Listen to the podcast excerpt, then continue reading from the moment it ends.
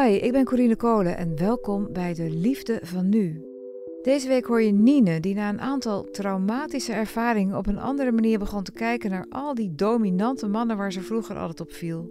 Ze liet oude verwachtingen los en vond een partner op wie ze vroeger nooit had kunnen vallen. Dit is de Liefde van Nu. Nina, hoe oud ben je? 33.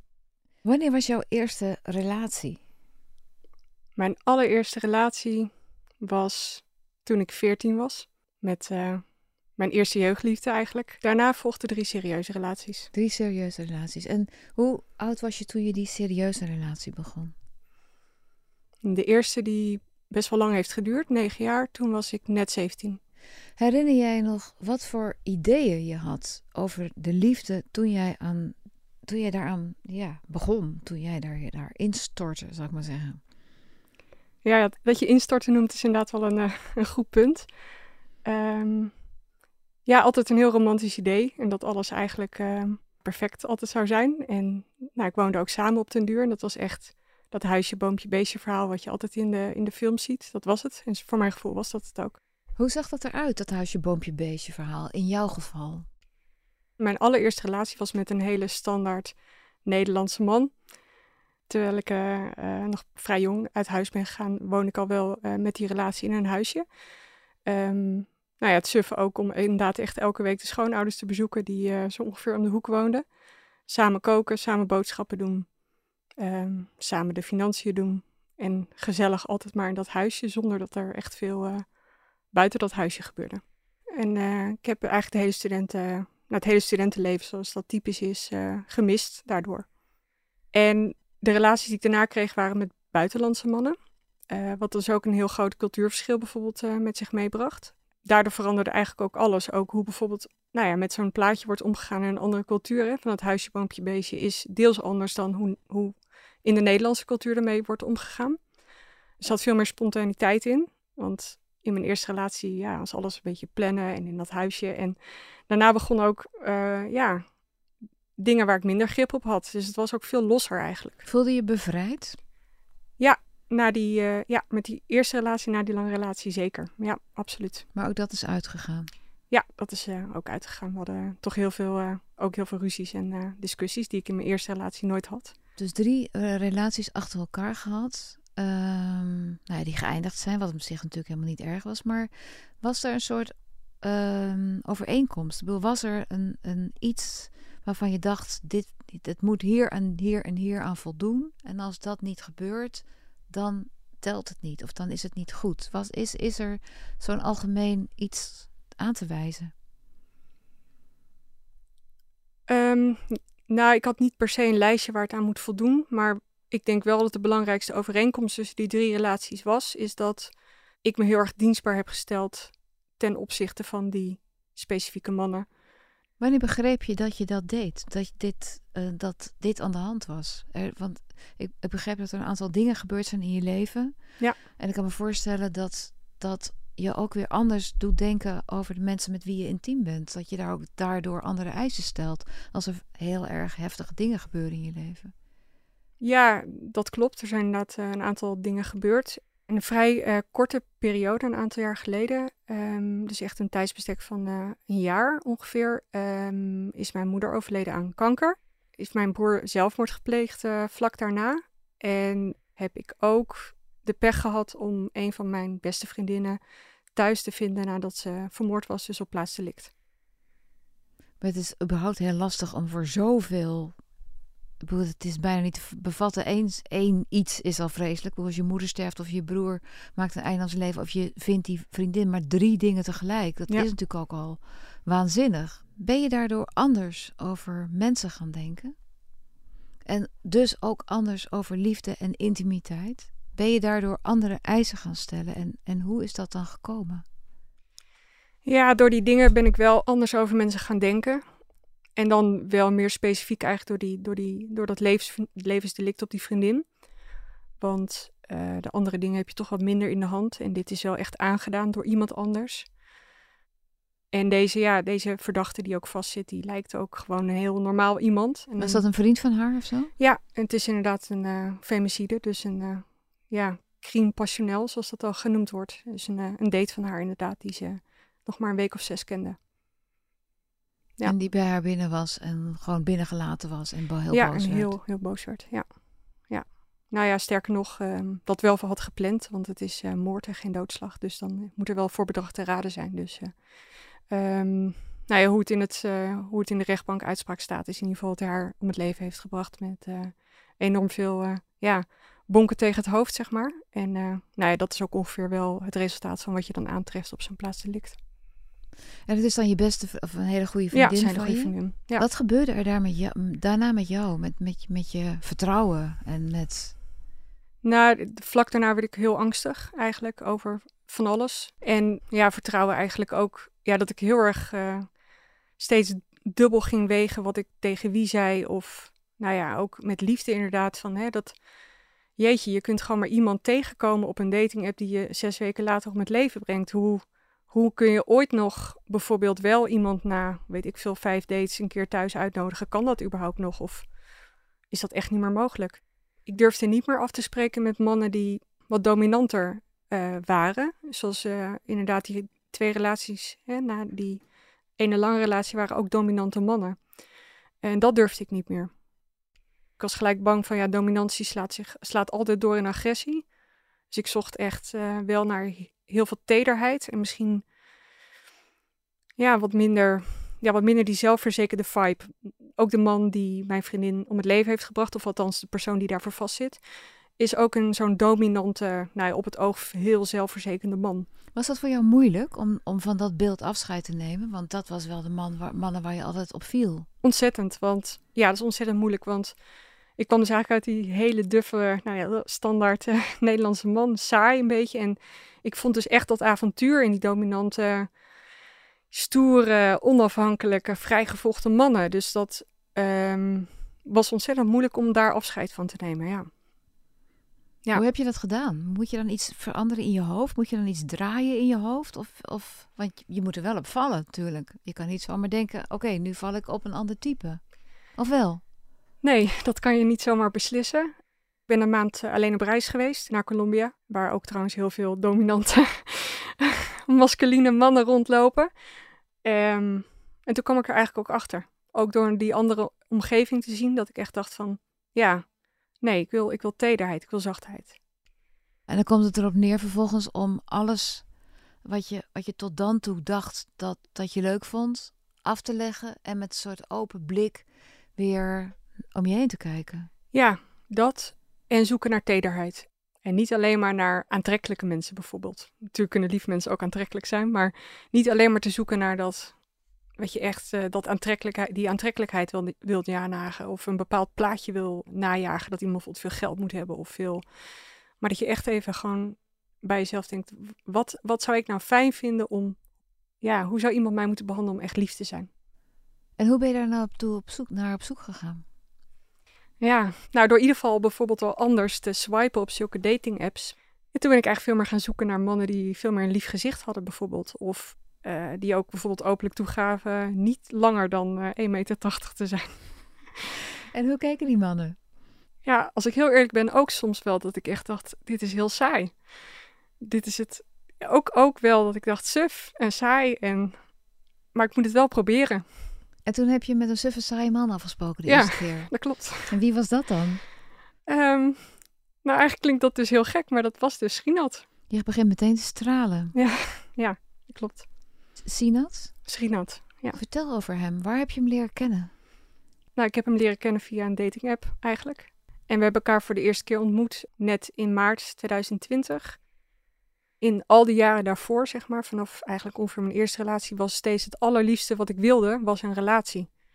En ook kon ik het niet begrijpen als ik bijvoorbeeld een aantal keer met iemand had gedate, dat het dan nog geen relatie was. En waarom zit er nog geen relatiestempel op? En nu had ik juist besloten, nou weet je, ik heb hier helemaal geen zin meer in. uh, ik ga het nu zelf doen, op mijn eigen benen staan. En uh, toen kwam hij. En ik dacht ook nu voor de allereerste keer, dat had ik nooit eerder in een date gedaan, ik maak me niet op. Ik trek niet iets speciaals leuks aan. ik trek gewoon een uh, joggingbroek had ik aan en uh, geen make-up. En ik dacht echt, nou, het is goed. Ik ga ervoor. En toen zag je hem. Waar hadden jullie afgesproken? Ja, we hadden voor een, uh, voor een Turkse supermarkt afgesproken om dan een rondje te gaan lopen. Wat zag je voor man? Zag je toen nog steeds die saaie man? Mijn eerste indruk was dat hij voornamelijk heel klein was. Hij is ook niet zo lang. Hij is net zo lang als ik. En uh, smal. Hij is ook even zwaar als ik. Dus 55 kilo. Um, dus dat was mijn allereerste indruk. Wat een kleine man. Waar hadden jullie het over? We hadden het ook voor, nou ja, dat mensen natuurlijk uh, wc-papier uh, gingen hamsteren en hoe suf dat eigenlijk was. Um, en hij vertelde dan ook uh, direct hoe schaarste bijvoorbeeld ook in India speelt, want hij komt uit India. En hoe schaarste ook bijvoorbeeld op voedsel of andere spullen een rol heeft gespeeld in zijn jeugd. Dus eigenlijk kwamen daardoor, door dat oppervlakkige gesprek ook gelijk de diepte in. Wat me heel erg opviel bij de eerste date, en dat had ik nooit eerder um, zo gemerkt, is dat, dat hij echt heel veel interesse in mij had. En ook dingen doorvroeg. En bijvoorbeeld ook, um, nou, dat ertoe leidde dat tijdens ons gesprek ik ook bijvoorbeeld over mijn broer verteld heb. En dat zou ik, uh, dat doe, en dat zou ik nooit doen in eerste gesprekken eigenlijk. Dat hij zelfmoord heeft gepleegd. Want dat is natuurlijk wel iets van, um, ja, je wilt niet worden gezien als dat meisje met, het, met dat verhaal. Dus ik, ik ben er altijd heel voorzichtig in om dat te delen. Waarom vertelde je het aan hem? Omdat ik me echt heel erg op mijn gemak voelde. En hij, uh, hij daar ook helemaal niet raar op reageerde. En um, toen voelde ik het echt uh, nou, in mijn buik van... ja, ik wil je echt zo graag een knuffel geven. Want je bent zo lief, je bent zo zacht. Uh, dus ik stelde toen ook voor van, nou, we kunnen elkaar wel knuffelen... maar dan moet jij echt die kant op kijken en dan kijk ik de andere kant op. Want dan wordt in ieder geval geen corona overgegeven. En daar reageerde hij ook allemaal niet raar op, terwijl het natuurlijk best wel raar was. Hij zei, ja, natuurlijk, als jij dat wil, dan doen we dat zo. Kijk echt heel ver die kant op, als jij dan heel ver die kant op kijkt. En toen hebben we gewoon een paar seconden zo vastgehouden. En hij zei ook, ja, het is je jas, jas ook zacht. En we zien elkaar snel, zei hij ook. Hij zei ook niet van, nou, hij zei gewoon, we zien elkaar snel. En ik zei erop ja.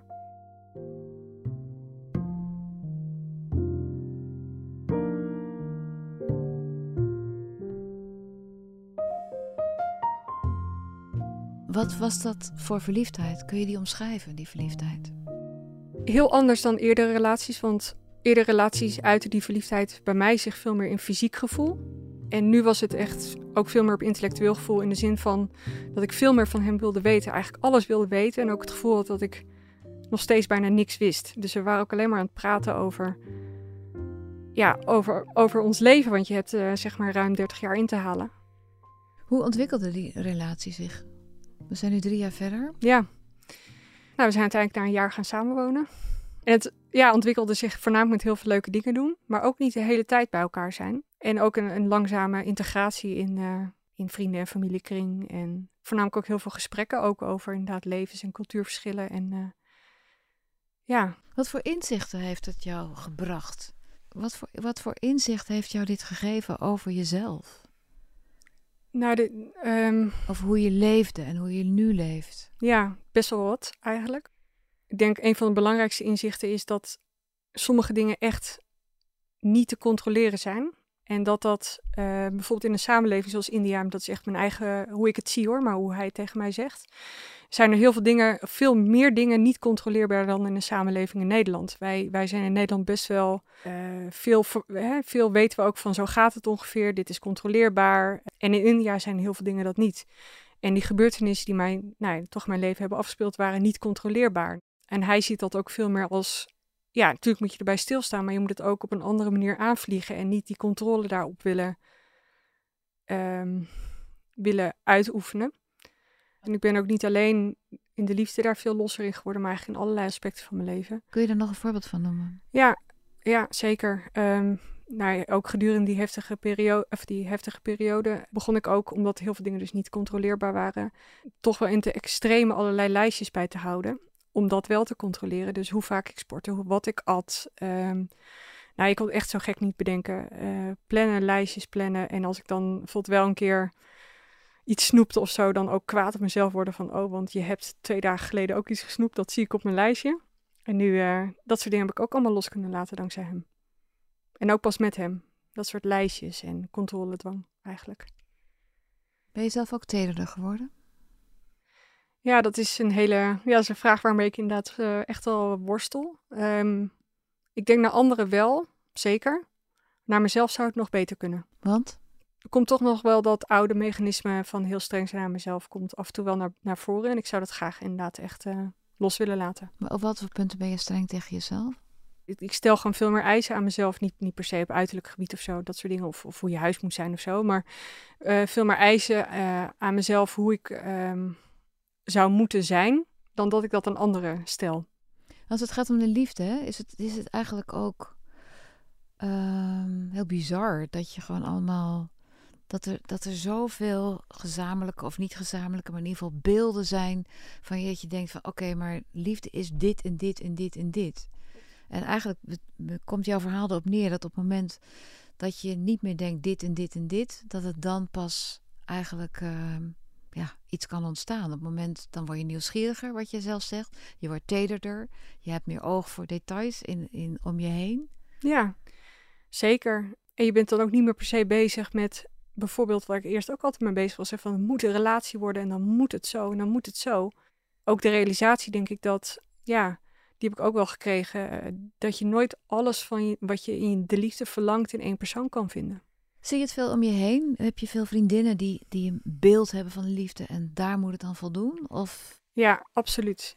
Zeker, nou, dus inderdaad de vrijgezelle vrienden en vriendinnen die ik heb, die dan inderdaad daten en ook heel erg inderdaad een beeld hebben van dit moet het zijn. en wat, zijn, wat is dit en dit dan bijvoorbeeld? Ehm, samenwonen, een kind krijgen, trouwen, de stempel van een relatie erop, aanspreken of steeds complimenten geven. Bijvoorbeeld als je een keer leuk eh, aangekleed bent. Altijd maar met de meest fantastische verrassingen op, eh, op de proppen moet komen voor iedere date. Dat soort dingen eigenlijk. Dan zie je ook dat zij er echt onder lijden door het beeld wat ze zelf in hun hoofd hebben van wat het moet zijn en wat het dan dus niet is. Maar dat je in de feitelijke situatie, dat daar niks op af te dingen is. Dus de feitelijke situatie is gewoon gezellig met elkaar. Je voelt je goed bij elkaar. Maar heel erg uh, het beeld van hoe het dan moet zijn, eigenlijk nog beter. Um, dat ze daar dan, uh, dat hen dat echt dwars zit. En um, dat er ook, en ik denk ook dat het erger wordt, ja, toch wel door social media. Op wat voor manier is, oh sorry, ik ben weer zijn naam vergeten. Sinat. Sinat. Op wat voor manier is Sinat Taylor? Hij luistert echt, want het is natuurlijk wel, um, wat ik tegenwoordig best wel vaak zie, dat mensen heel slecht luisteren. Uh, veel mensen toch wel afgeleid of met hun hoofd ergens anders. En dat is niet erg, maar hij luistert echt. En ja, dat, dat is heel erg op hem van toepassing. Maar wij zijn bijvoorbeeld dus en even lang en even zwaar. Dus het voelt dus ook, voor mij ook echt alsof het een soort mijn tweede lichaam is. Dat komt door onze, nou ja, dat komt er gewoon door dat we precies gelijk zijn. Um, en dat voelt ook heel vertrouwd en zacht. Kun je een voorbeeld noemen van, van hoe jullie samen zijn? Van uh, bijvoorbeeld een, een moment van de afgelopen paar weken waarvan je zegt: Oh, maar zo had ik dus nooit met een andere man kunnen zijn. Dit kan alleen met hem. Ja, dat is wel, wel grappig. Nou, we hebben bijvoorbeeld ook een, eigen taal, wat een beetje tussen Nederlands, Engels en wat uh, woorden uit Hindi en uh, Tamil, dat zijn twee talen uit India, zit. Dat andere mensen ook echt niet kunnen begrijpen dat we dus echt een woordje voor iets hebben, dat, of een bepaalde manier van praten. Dus dat, dat taaltje, dat heb ik nooit gevoeld, zeg maar, met iemand anders. Ja, zijn, er zijn nogal meer van die dingen dat als ik bijvoorbeeld een beetje moe, moe, ben of zo en ik moet nog even werken, dan uh, geeft hij mij wat hersenpower. Dus dan houdt hij zijn hoofd tegen de mijne en dan zegt hij, oh, nou, ik ga je even wat hersen, hersenpower geven. Ja, dus allemaal dat soort, soort dingen eigenlijk. Die, die grappige dingen in, ja, in huis en hoe je met elkaar omgaat. En uh, ja, dat had ik nooit verwacht dat ik dat zou kunnen treffen. Ben je trots op hem? Ja, ik ben heel trots op hem, omdat uh, hij natuurlijk ook en eigenlijk komt dat wel weer mooi terug bij wat ik eerder zei. Want hij kwam bij mij in eerste instantie niet over als zo'n vrijgevochten, dominante man. Maar eigenlijk ben ik erachter gekomen dat het misschien juist wel zo is. Want hij is ook iemand die nou, heeft besloten: hé, hey, ik wil weg uit India. Ik laat toch wel heel veel familie achter. Ik kies zelf mijn studiepad. Ik uh, word niet uitgehuwelijkt. Want dat, dat zijn natuurlijk allemaal dingen die spelen. En ik kies mijn eigen vrouw, die niet Hindoestaans is, die niet, uh, die niet uit India komt. En ik vorm ook mijn leven zoals ik dat wil. Ja, dus hij was eigenlijk veel vrijgevochtener dan die andere mannen. Eigenlijk wel. Misschien wel, ja. Denk je dat je de rest van je leven samen blijft? Ja, zoals ik er nu over denk wel. Zeker. Maar ik heb geen, um, nooit gehad ook hoor, maar zo'n romantisch beeld in mijn hoofd of zo dat je ja, ik weet niet, zo'n van je trouwt en dan ben je voor altijd bij elkaar. Zo. Dat, dat, dat beeld heb ik nooit gehad, dus dat, dat past dan niet helemaal in het antwoord op deze vraag. Maar waar ik dan wel bijvoorbeeld in eerdere relaties daar benauwd van kreeg, van die gedachte van stel dat je voor altijd bij elkaar bleef, kreeg ik echt een beetje benauwd van. Dat ik echt dacht van, nee, dit is altijd tijdelijk. Zie ik dat bij Schreenat nu anders. Daar krijg ik, nu, krijg ik het niet meer benauwd van.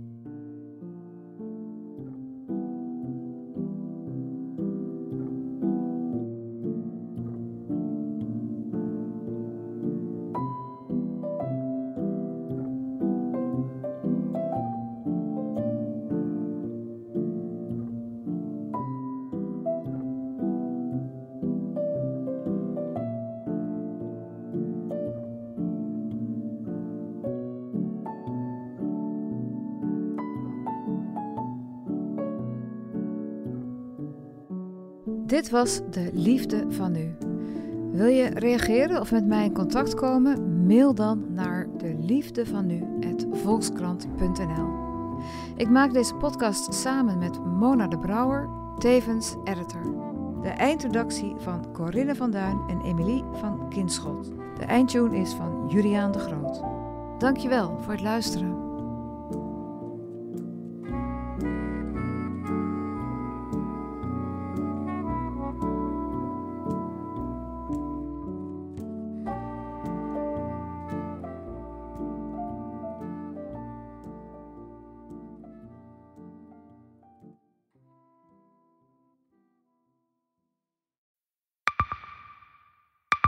Zijn leven is overhoop gegooid.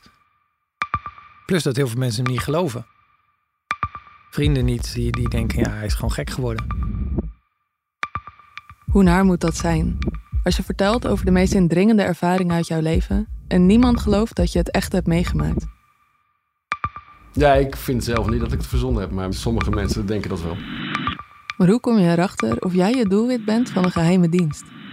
Heb ook wel eens meegemaakt dat je het idee hebt dat inlichtingendiensten in je geïnteresseerd zijn. En dan kun je wel heel veel zien, wat er misschien helemaal niet is.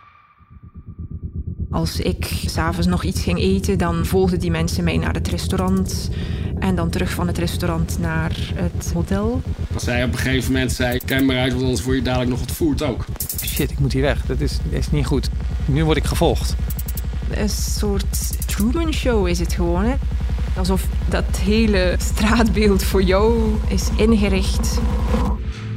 Maar dan wel met bedoeling jou niet door te laten. Dit kan geen toeval zijn. Een nieuwe podcast van de Volkskrant. Mijn naam is Simone Eleveld en samen met Huid Modderkolk ontrafel ik een bizarre operatie van de geheime dienst. Wat het doel ook is, jij verliest het. Ik werd opgepakt, heel lang ondervraagd. Maar hoe krijg je grip in een wereld die zo onderzichtig is? Als je zou liegen, dan zou je niet de meest relevante informatie twee jaar later tussen neus en lippen doorvertellen. Er zal nooit iemand zeggen: Oké, Bart, ik geloof je. Nooit, nooit. Dit kan geen toeval zijn. Vanaf 3 oktober bij de Volkskrant. Ik weet niet of ik ook alles kan vertellen. Het is echt te bizar. Wat? Um, ja.